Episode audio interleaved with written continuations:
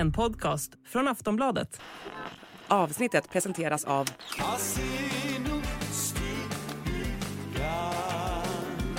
Stödlinjen.se, åldersgräns 18 år. Hej och välkomna till Kungligt. Jag heter Sara Eriksson. Och jag heter Jenny Alexandersson. Skilsmässoryktena fortsätter att eskalera och eh, frågan är hur det egentligen står till mellan Harry och Meghan. Och vi kommer även att prata om kungens skandalbåt som väckte en hel del uppmärksamhet när den levererades. Och så ska vi berätta om varför kungligheterna inte får skriva autografer.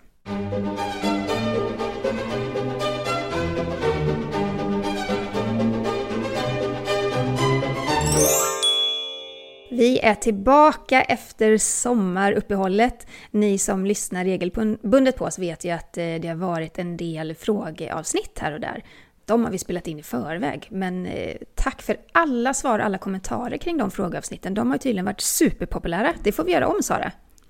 Ja men verkligen. Det, kul. det är kul att se att så många lyssnare är så engagerade och eh, hör av sig dels med frågor men också ja, men när vi svarar så vill man kanske veta mer. Så att fortsätt gärna att höra av er till oss. Ja.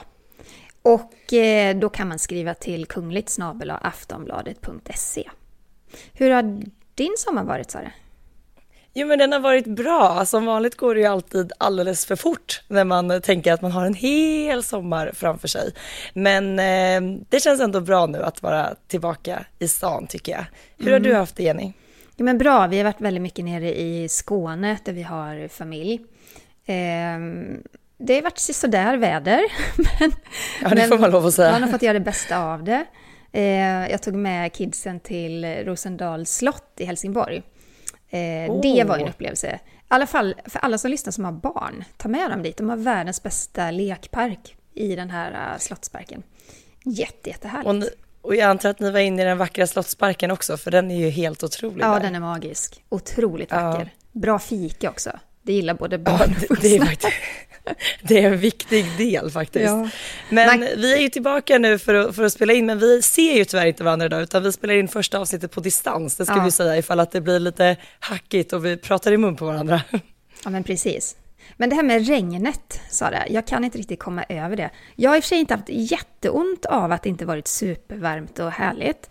Men det, man blir helt schizofren av regnet. Och sen kommer ju den här stormen Hans här i slutet också. Och den har ju ställt till det rätt mycket. Eh, ja, men det får man ju lov att säga. Det har ju varit en regnig sommar minst och främst i Norge där de har haft både jordskred och tuffa översvämningar och folk har ju fått evakueras där. Och eh, det här var ju någonting som kronprins Håkon och eh, kronprinsessan Mette-Marit har besökt och de kommer ju även att besöka flera av de värst drabbade platserna. Mm. Håkon han pratade ju med ganska många medier när de var på plats på de här orterna och det är ändå fint att se när det är sådana här stora nationella händelser att eh, ja, men kungligheterna försöker stötta och trösta så gott det går. På något sätt så blir ju de um, ja, men någon, någon stark fast punkt i ett kaos, får man väl ändå säga. Och det är ju som vanligt där, eller det är en väldigt viktig roll som kungligheterna har att verkligen kliva fram i de här situationerna. Eh, så jag tycker att det har varit fint och viktigt att eh, vi har sett kronprinsparet besöka de här platserna. Mm. Men svenska kungafamiljen då, de har ju också haft sommarsemester. Och i år med start av vid kronprinsessan Victorias födelsedag, precis som vanligt, så har vi sett hela kungafamiljen på plats på Öland. Till och med Chris O'Neill. Och det, han är inte alltid med där, men, men i år har han varit det. Och det är speciellt Victoria som är noga med att alla ska vara på plats, i alla fall ett par veckor då tillsammans på Soliden.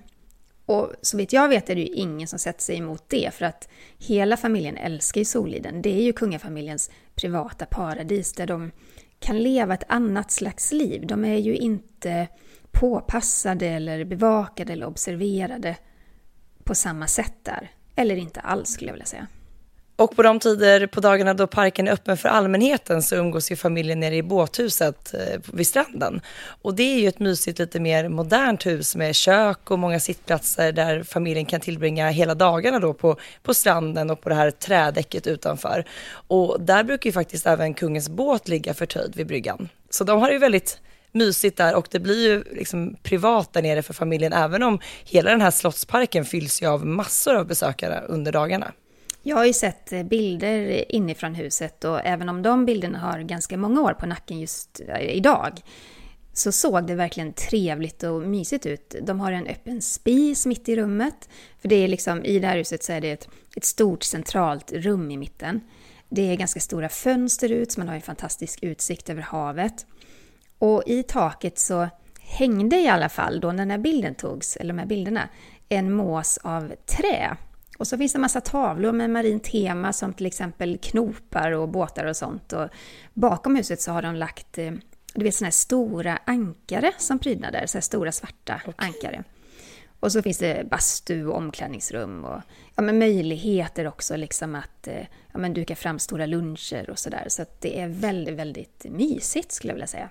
Men där kan man ju tänka sig att de har haft det väldigt bra då den här sommaren i och med att det har varit så himla regnigt och väldigt ostabilt väder. Att kunna, det låter ju inte helt fel att kunna tillbringa sin tid där.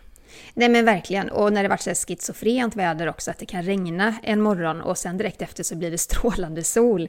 Då ja, perfekt, springa ut på bryggan när det blir badväder, ja jag tror aldrig man har varit med om en sommar som har varit så svår att klä sig. För man har ena stunden gått omkring i regnkläder, klätt sig varmt och sen så, precis som du säger Jenny, en halvtimme senare så blev det strålande sol och man ville bara springa till, till och bada liksom. Mm. Eh, så det har varit lite klurigt, men då har ju kungafamiljen haft det bra där på Soliden får vi hoppas. Ja, och Victoria och Daniel de har ju byggt sig ett eget hus ett par stenkast då från själva slottet. Och det är en stor vit villa som går under namnet Villa Skönvik. Och på tomten så har familjen anlagt en stor pool och det är ju också perfekt de här dagarna då det är för kallt i havet. kan hela familjen samlas i Victorias hus istället och ta ett dopp där. Perfekt! Mm. och eh, prinsessa Madeleine och prins Carl Philip med familjer, de bor ju i kavaljershuset som från början byggdes till anställda och gäster. Och det ligger ju också en bit ifrån slottet på det här området som då är avskilt från den del där turister och besökare kan vistas.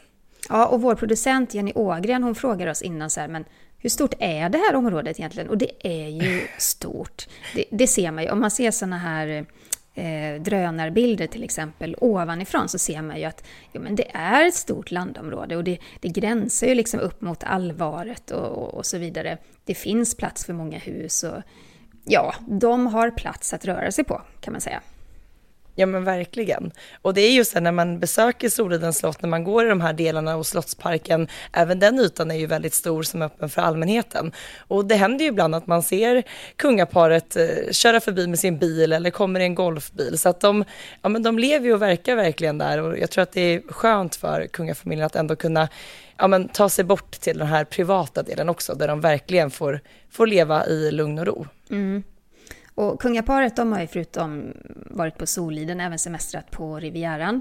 Kungen fick ju ärva prins Bertils sommarvilla som heter Villa Mirage och som ligger då i den här orten Sant Maxim. Den fick han ärva då när prins Bertil gick bort. Och det, eh, ser man bilder på det huset så är det ju det är ganska stort. Och det ligger precis vid strandkanten och har en egen liten privat strand.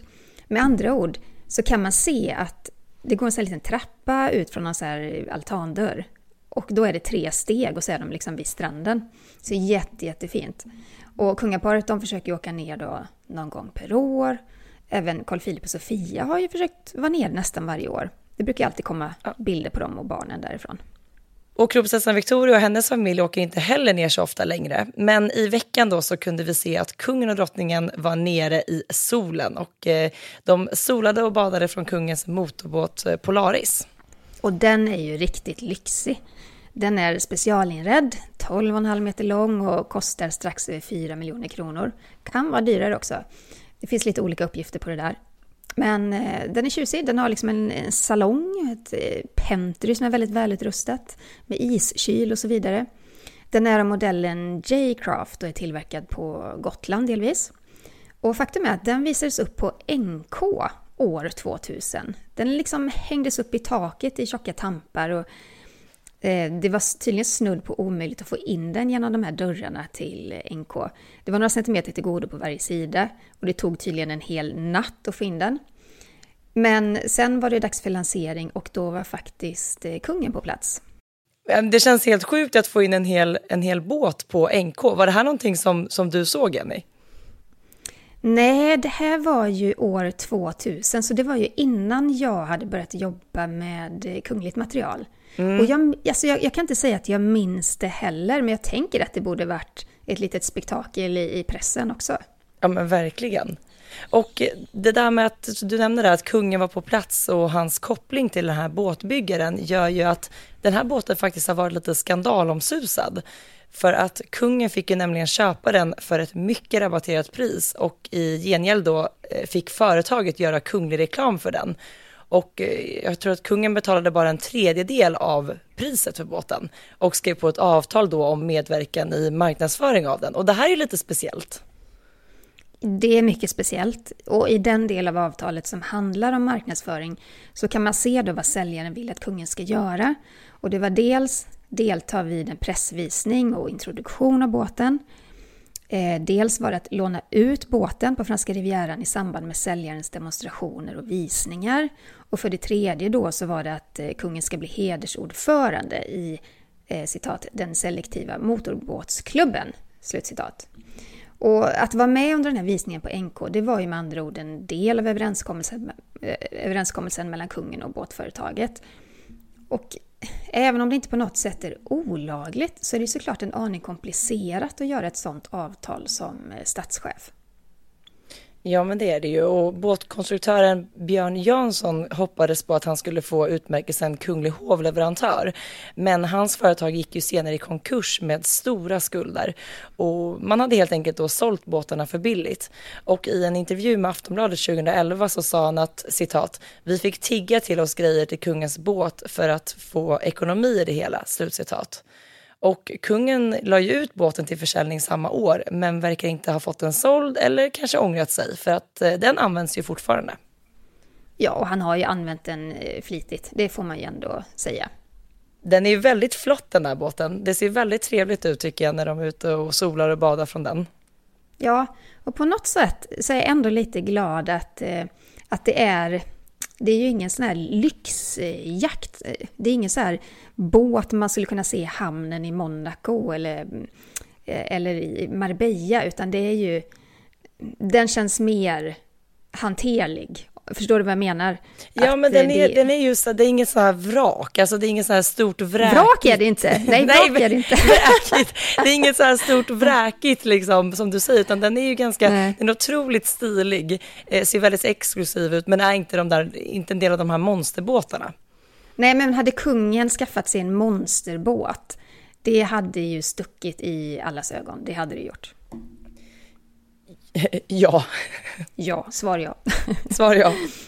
Men du Sara, det har hänt en hel eh, massa andra grejer under eh, sommaren nu. Det har det Eh, gjort. Bland annat så innan vi gick på semester så pratade vi om prinsessan Louise av Malaysia som väntar barn med prins Mohammed.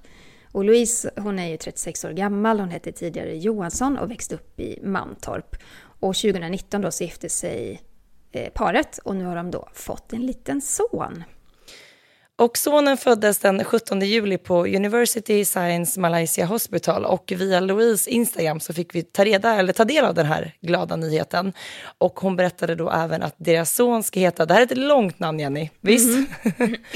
eh, han ska heta Tengu Mohammad P- Johan Petra bin Tengu Mohammad Faiz Petra. Men tilltalsnamnet är då Johan enligt Louise. Ja men fint att de väljer ett eh, svenskt namn. Ja, verkligen. Mm. Och det här Tengu som, som det hela startar med, det är liksom en titel. Jag tror det är en Ja. prinstitel. Eh, men då har han ju ärvt, eh, han får namnet Mohammed av sin pappa, Johan. Kan det vara från Louise pappa kanske? Ja, men det känns ju nästan som att det finns någon koppling så. Och- Spännande. Men det är ju verk- det är verkligen en spännande historia som det här paret delar. Louise träffade sin man när de bodde i London och ehm, gick då barn och fritidsprogrammet på gymnasiet men flyttade dit sen till London för att jobba. Och kronprinsen han hade ju bland annat studerat historia i London och eh, italienska samt litteratur i Florens. Och han är ju även faktiskt dok- han har doktorerat i antikens historia. Och eh, den här ceremonin som vi fick ta del av 2019, den var ju väldigt eh, pampig. Det var den. De gifte sig i ett av palatsen, de hade 300 gäster och det var den här staden Cotabaru. Eh, det var tjusigt. Hon var jättevacker, Louise. Det kostade nog pengar, den där ceremonin. det, det tror jag. Men jag tycker det är så roligt med Louise för att hon delar faktiskt med sig ganska mycket av sin, sitt liv och sin vardag på sitt Instagramkonto. Och man ser ju att hon, ja men hon håller i de här svenska traditionerna också och det har varit mycket så här kanelbullebak och hon har tagit med sin man till Ikea och käkat köttbullar. Alltså man får en inblick i hennes vardag på ett mm. väldigt kul sätt tycker jag via Instagram. Ja men verkligen.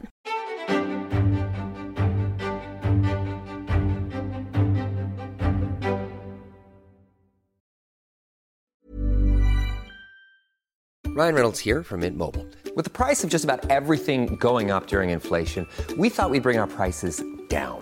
So to help us, we brought in a reverse auctioneer, which is apparently a thing. Mint Mobile unlimited premium wireless. Ready to get 30, 30, bit to get 30, bit to get 20, 20, 20, bit to get 20, 20, bit to get 15, 15, 15, 15 just 15 bucks a month. So, Give it a try at mintmobile.com/switch. slash $45 up front for 3 months plus taxes and fees. Promo for new customers for limited time. Unlimited more than 40 gigabytes per month slows. Full terms at mintmobile.com.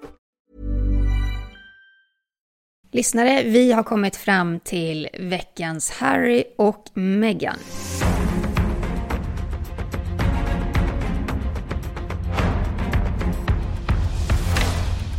Både amerikanska och brittiska medier har ju under hela sommaren rapporterat att det finns en spricka mellan Harry och Meghan.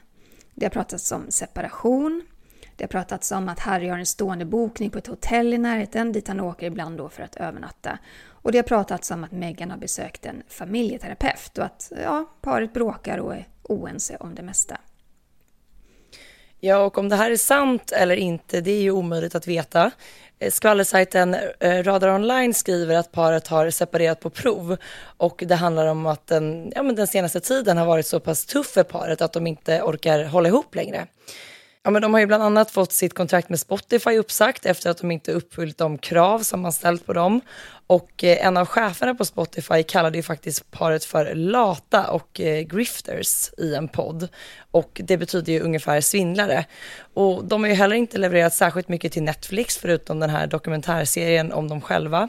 Så att det har ju varit, inte bara familjärt utan också eh, jobbmässigt, ett turbulent år för Harry och Meghan. Ja, och att paret har förlorat en så stor inkomstkälla, det är klart att ja, det påstås ju vara oerhört pressande för Harry och Meghan. Och det kan man tänka sig, de bor i ett enormt mansion i Montecito. Det kostar att underhålla och sköta det här huset. Och sen har de ju dygnet runt bevakning och det är ju enorma summor som, som går iväg varje månad.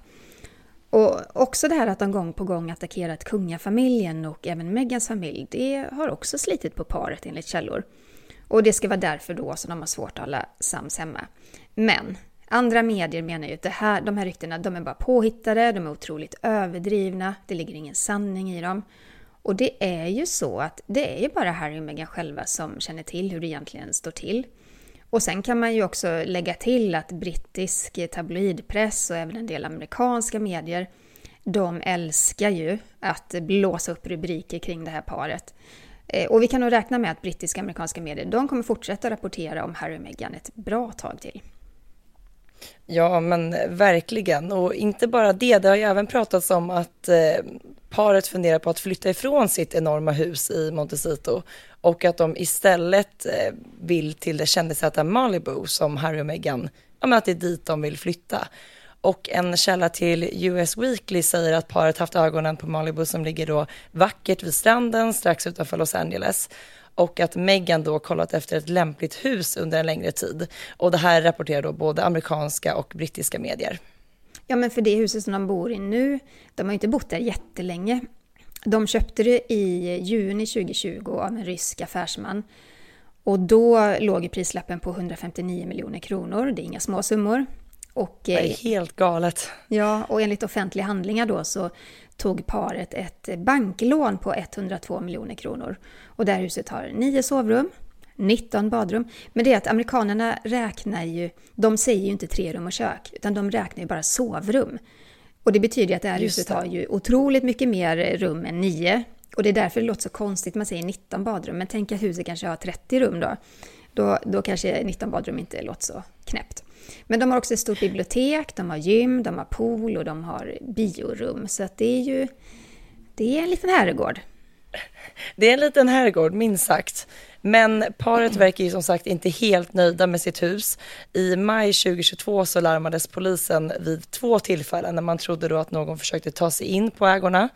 Eh, familjen var då hemma när larmet gick och enligt polisens dokument så har larmet gått vid sex tillfällen de senaste 14 månaderna.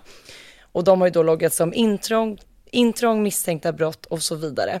Och det här med säkerhet, det är ju en av liksom Harry och Meghans största oro. Ja, men Harry har ju till och med stämt den brittiska staten när han inte längre fick tillgång till brittiska livvakter och det var ju när han lämnade kungahuset. Och jag kan tänka mig att det absolut kan handla om säkerhet om man då vill eh, flytta.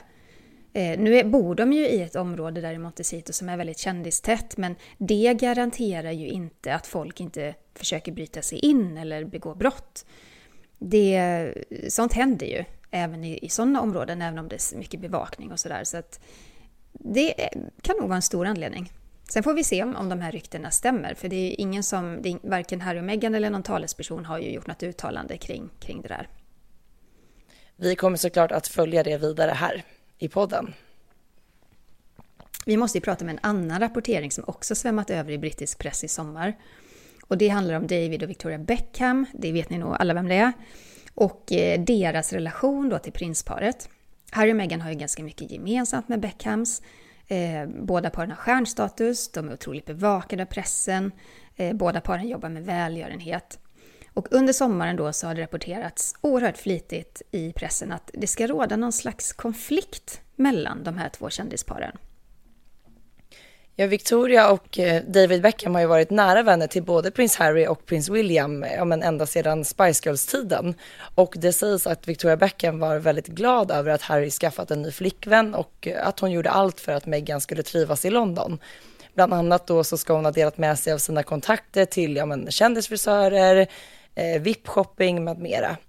Eh, men så började då amerikanska tidningar skriva om parets vänskap och olika detaljer kring ja, men, kring de båda paren.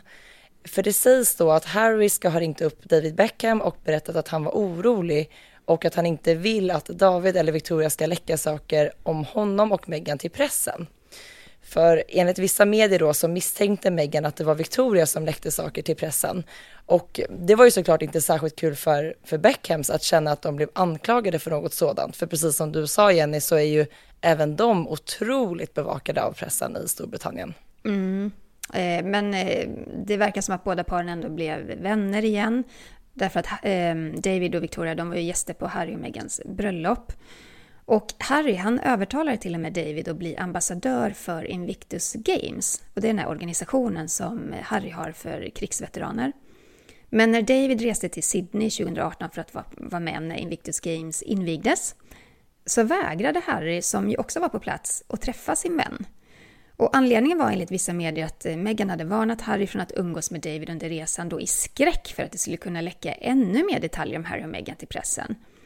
För 2018 då, då var de ju under ganska stor eh, eh press, får man verkligen säga, hela världens press. Och Meghan anklagade då fortfarande Victoria för att läcka till medierna.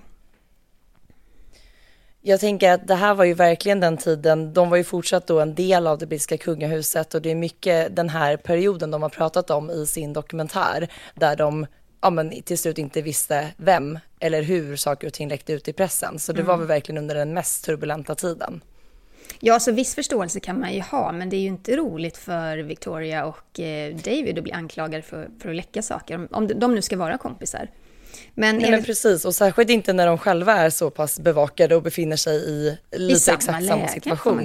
Ja. ja, precis. Men enligt författaren och journalisten Tom Bowers så gjorde de anställda på Invictus Games då i Sydney allt för att hålla David på gott humör.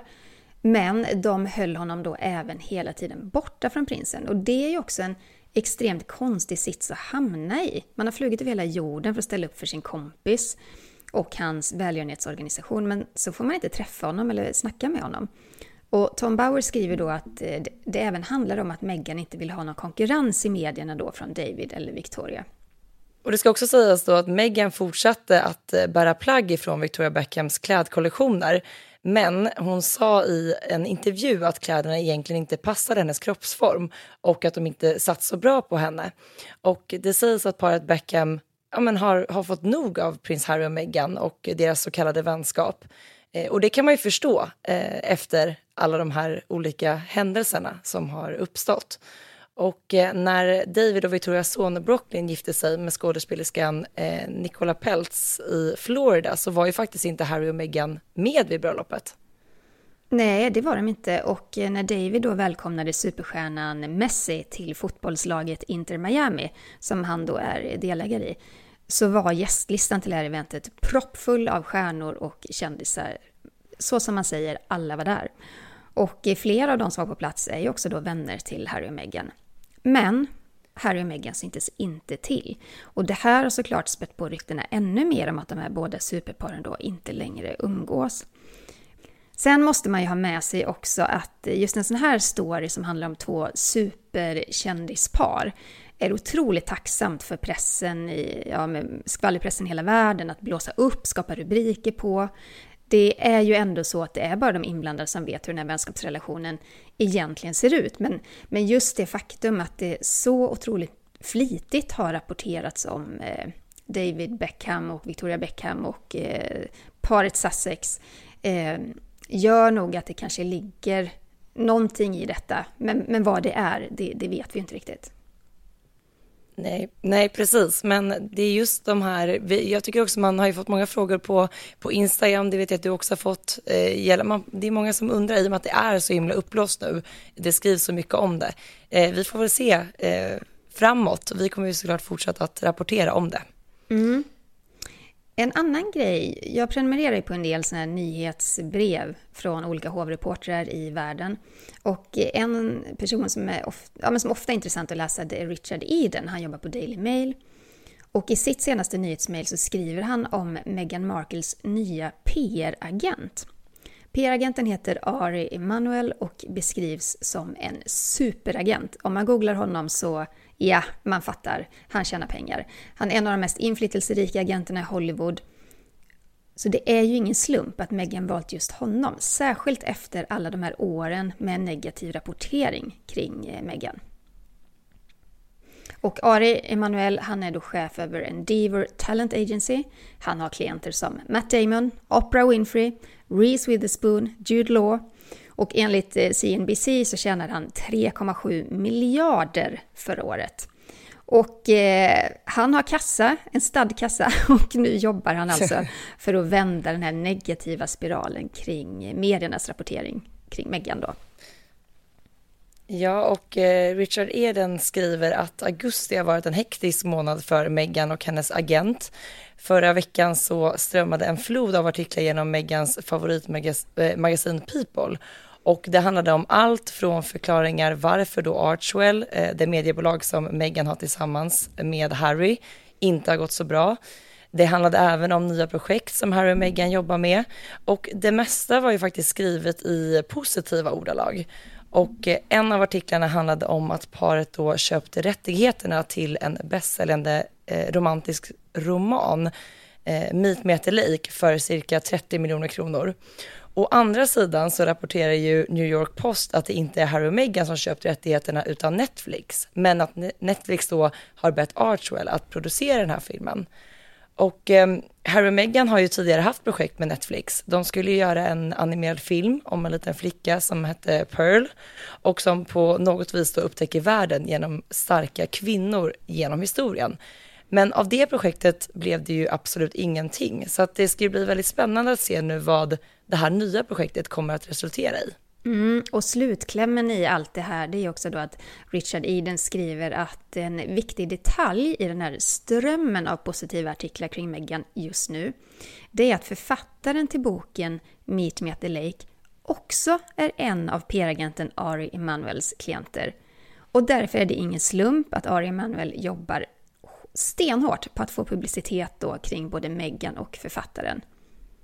Och har man så, har man så mycket makt i, i Hollywood och i, i eh, den här film och eh, skådisvärlden så kan jag tänka mig att det är ganska lätt för den här PR-agenten att pumpa ut eh, sina positiva nyheter. Ja, verkligen. Eh, spännande då i och med att det här känns som ett ganska så nytt projekt då med den nya PR-agenten eh, och se lite hur, hur det kommer att utvecklas framåt. Eh, redan nu ser vi ju sagt de här positiva artiklarna. Eh, så han, han jobbar nog på för fullt och drar i sina trådar. Mm. Vi måste prata om prins Andrew, Sara. Ja, det måste vi göra. Um, Sarah Ferguson, även kallad Fergie, har ju nyligen avslöjat att prins Andrew känner sig väldigt ensam utan sin mamma och pappa och att han, han tänker väldigt mycket på dem.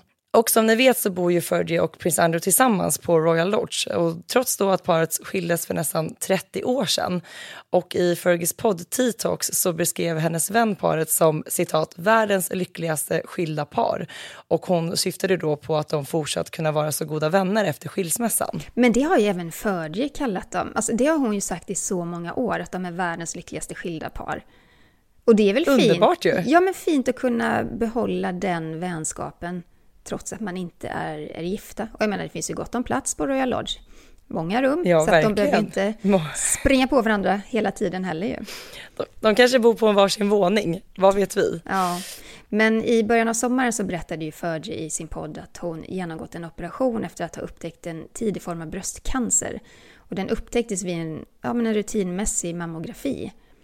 Och i det senaste avsnittet så berättar Fergie att hon återhämtat sig bra efter operationen hon pratar även om att hon vet att drottning Elizabeth skulle varit ett bra stöd för henne efter cancerdiagnosen och, och menar på att eh, drottningen var mer min mamma än min egen mamma.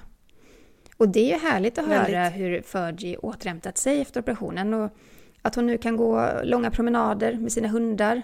Eh, Sarah och Andrew de hade tidigare fem hundar men efter att drottning Elizabeth eh, då somnat in så tog de även över hennes corgis, Sandy och Mewick. De har alltså sju hundar.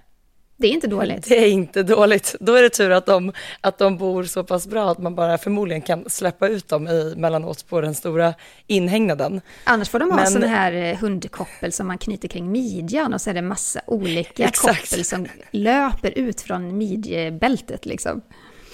Varenda gång jag ser sådana, man möter ju det ganska ofta tycker jag inne i stan, sådana här hundpensionat som mm. är ute och går. Då tänker jag att det där ser helt omöjligt ut. Jag beundrar dem att de klarar av att gå med alla de där kopplen ja, runt midjan. och att hundarna håller stilen. Det är ju otroligt. Ja men verkligen. Men i podden då, senaste avsnittet så beskriver Fergie en, en promenad som hon och Andrew varit ute på tillsammans. De hade då gått med alla de här hundarna. Jag vet inte om de hade sådär många koppel eller inte, men de hade då promenerat på en speciell stig vid Windsor som drottningen ofta brukade promenera på. Och Fergie berättar då att eh, det varit väldigt rörande att de under promenaden satt sig och bara varit helt tysta tillsammans under ett vackert träd. Och eh, då ska hon ha frågat Andrew hur han mådde utan sin mamma och pappa. Och prins Andrew ska då ha svarat att det är väldigt ensamt och att han tänker mycket på det. Och det här var alltså någonting som eh, Fergie berättade om i senaste avsnittet av sin podd. Ja, men det sägs ju hela tiden att prins Andrew var drottningens eh, favoritson, att de stod varandra väldigt nära. Och att det, varit, det var tufft för drottningen att eh, liksom putta ut honom från kungahuset då när han blev anklagad för våldtäkt och det var en rättslig process och, och så vidare. Så att det är väl inte jätte jag förstår om han känner sig ensam. Han har inte längre sin mammas stöd, hon, stöd, hon lever inte längre. Eh, och inte hans pappa heller. Och det är en ny kung, det är hans bror som sitter på tronen. Och Charles är lite hårdare i nyporna mot Andrew än vad Elisabeth var. Ja, nu till exempel är det ju många diskussioner kring ifall att eh, Andrew och Fergie faktiskt kommer att kunna bo kvar på Royal Lodge i och med att Prins Andrew, han har inte jobbat eh, sedan 2019.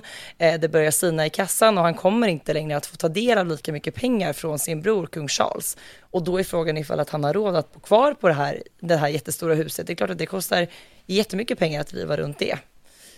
Vi håller koll på honom och eh, rapporterar vidare helt enkelt. Det gör vi. Det börjar närma sig crescendo på det kungliga jubileumsåret. Både hovet och kungafamiljen laddar ju för den här stora festhelgen i september. Det är den 15 och 16 september. Under året så har ju kungaparet besökt nästan alla av landets 21 län och de som finns kvar det är eh, Falun, Gävle, Halmstad, Umeå och Karlstad. Och det ska ju betas av nu under hösten. Tro före den 15 faktiskt. Allt ska nog vara klart före den 15 september. Och sedan då så ska allting eh, avslutas med en gigantisk fest. Eh, det ska bli väldigt, väldigt kul att eh, få ta del av allt det här. Och kungen blev ju kung av Sverige den 15 september 1973. Och samma dag då, 50 år senare, så blir det ett stort firande i Stockholm. Och på kvällen då så hålls en jubileumsmiddag i rikssalen som kommer att fyllas av kungliga utländska gäster, statschefer och representanter från olika delar av Sverige. Ja, och dagen efter så åker kungaparet i kortege genom Stockholm. Och ut, ut med vägen då så får de som eh, står där och tittar ta del av musik och kulturupplevelser. Och kortegen avslutas vid Lejonbacken. Där ska det finnas en stor scen och det kommer bjudas då på en festkonsert som är öppen för alla som vill vara med. Det tycker jag ändå är härligt att det, att det, det säljs inga biljetter eller något utan här ska alla få vara med, man firar tillsammans. Och bara det faktum att eh, kungen har velat besöka alla de här länen i hela landet säger någonting om hur han vill se på det här firandet. Det är inte bara ett firande för honom som person eller statschef eller regent, utan det är ett firande då med hela svenska folket. Det gillar man ju. Ja, men det har ju också varit lite speciellt i och med att kungen firar 50 år på tronen och samtidigt så firar ju Sverige 500 år som nationalstat. Så det har varit mycket att, att eh, belysa och fira under året längs med hela landet. Ja, men det ska bli väldigt kul att få ta del av kungens eh, 50 år på tronen-firande. Jag var ju på plats vid, när han firade 40 år på tronen och eh, redan då var det ju verkligen en folkfest. Man kan tänka sig att det här kommer bli eh, ännu pampigare och större. Så det ser vi mycket fram emot. Det gör vi absolut. Det ska bli väldigt roligt. Vi har fått massor med lyssnarfrågor. Vi ska ta upp några av dem här. Och vi, vi fick en fråga som kom till oss på ett väldigt roligt sätt. När jag pratade med ett eh, företag om att göra en synkorrigering, ja, jag ser dåligt, så var det en jättegullig och trevlig kvinna som eh, kände igen min röst och som berättade att hon lyssnar på podden. Och hon hade en fråga om prins Harry och huruvida han har kontakt med släktingar på sin mamma, prinsessan Dianas sida. Man hör ju inte jättemycket om dem. Eh, hon, hon, undrar också, har någon av dem kommenterat Harry och Megans avsked av kungahuset? Ja, det var själva frågan helt enkelt. Ja, vad, vad, vad kul att hon kände igen din, din röst igen i telefonen och att du fick en lyssnarfråga på det sättet. Ja, men man blir så glad varje gång det händer. Det är jätte, jättekul. Ja, men det här är ju en jätteintressant och spännande fråga. Eh, Prins Harry har ju kontakt med Dianas bror Earl Spencer och även Dianas systrar.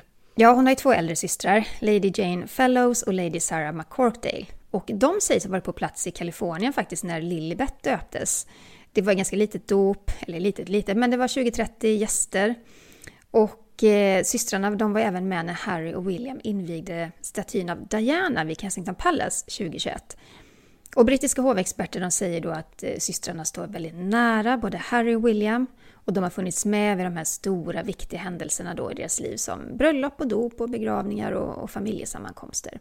Ja, och Dianas bror Charles Spencer, eller Earl Spencer, han är ju den nionde earlen i släkten, står också väldigt nära Harry och vid prinsessan Dianas begravning så lovade han att se efter sina systersöner. Och han har inte gjort något officiellt uttalande om Harrys val att lämna kungahuset, men han försvarade honom stenhårt på Twitter. För när Harry i våras var i London för att vara med på den här rättegången mot en rad tidningar som han stämt för bland annat då intrång i privatlivet, så twittrade en reporter på Daily Mail så här, citat. Är Harry fortfarande besatt av sin exflickvän Chelsea Davy? Harry nämnde henne 118 gånger i rätten. Meghan nämnde han bara fem gånger. Inte undra på att Meghan inte var på plats." Slutcitat. Och Dianas bror då, Earl Spencer, han gick i taket när han såg det här och svarade så här till reporten. Citat. Patetisk Amanda Platell. Du har ingen skam i kroppen och ingen trovärdighet. Senast jag hörde från dig gjorde, gjorde du dig skyldig till att förtala mig. Som din arbetsgivare på Daily Mail stod bakom. Nu har de satt det till att förvränga viktiga juridiska bevis som om det vore något trivialt. Slutcitat. Mm. Så att Earl Spencer har ju, eh, i alla fall, vi vet inte vad han, om han har kommenterat eller sagt någonting om själva utträdet, men han försvarar i alla fall eh, sin systerson på Twitter. Ja, men jag tror att han känner sig väldigt, eh, alltså han verkligen månar om både William och Harry. Det är ju en mm. enormt stor sak, ett drama att förlora sin mamma i så tidiga år. Så att han har ju funnits där för dem och det har ju även Dianas systrar. Vi har fått eh, flera riktigt spännande frågor ifrån Anna och eh, vi tar upp en av de frågorna idag. Hon skriver så här. Jag har hört att Victoria en gång sa att hon inte fick skriva autografer åt ett barn utan istället erbjöd en kram. Hur kommer det sig? Är det för att man inte ska kunna förfalska dokument med eh, kungens signatur? Men det finns väl ändå på officiella dokument, exempelvis när han tackar idrottsstjärnor för bra tävlingsresultat. Ja, det gör det såklart. Och det handlar inte om risken att förfalska. För kungafamiljens namnteckningar, de kan man få tag på lite överallt. Utan det handlar dels om tid. Det tar tid för en kunglighet att stå och skriva autografer. Skriver man till en, då måste man skriva till alla. Och dessutom så handlar det om att man vill inte att man ska kunna tjäna pengar på en kunglighet på det viset. Det finns ju en ganska stor marknad där ute där, där man säljer kändisars autografer för pengar. Och det, det är klart att man vill försöka undvika det också. Ja, men det där är en spännande fråga. Jag tycker ofta att den är återkommande och det är spännande det här med kungligheter och autografer. Ja, ja men i början så, så fick man absolut inte ta selfies med eh, Victoria eller Carl Philip eller eh, kungen så här. Men eh, det har man ju luckrat upp lite grann nu. Det, ja. händer, det händer att eh, Victoria eller någon annan ställer upp på en selfie. Tack snälla för att ni skickar in eh, lyssnarfrågor till oss. Fortsätt gärna att göra det och då mejlar ni till kungligt aftonbladet.se. Tack snälla för att ni har lyssnat. Vill ni ha dagliga nyheter så eh, kan ni följa oss på sociala medier. Var finns du Sara? Jag heter listan.se på Instagram och nu när man är tillbaka från ledigheten så ska jag fortsätta att uppdatera lite mer flitigt där. Var, var hittar man dig Jenny? Ja men också på Instagram, kungligt med Jenny heter jag där. Ha en jättetrevlig vecka tills vi hörs igen nästa vecka. Ha det bra. Hej då! Hej då!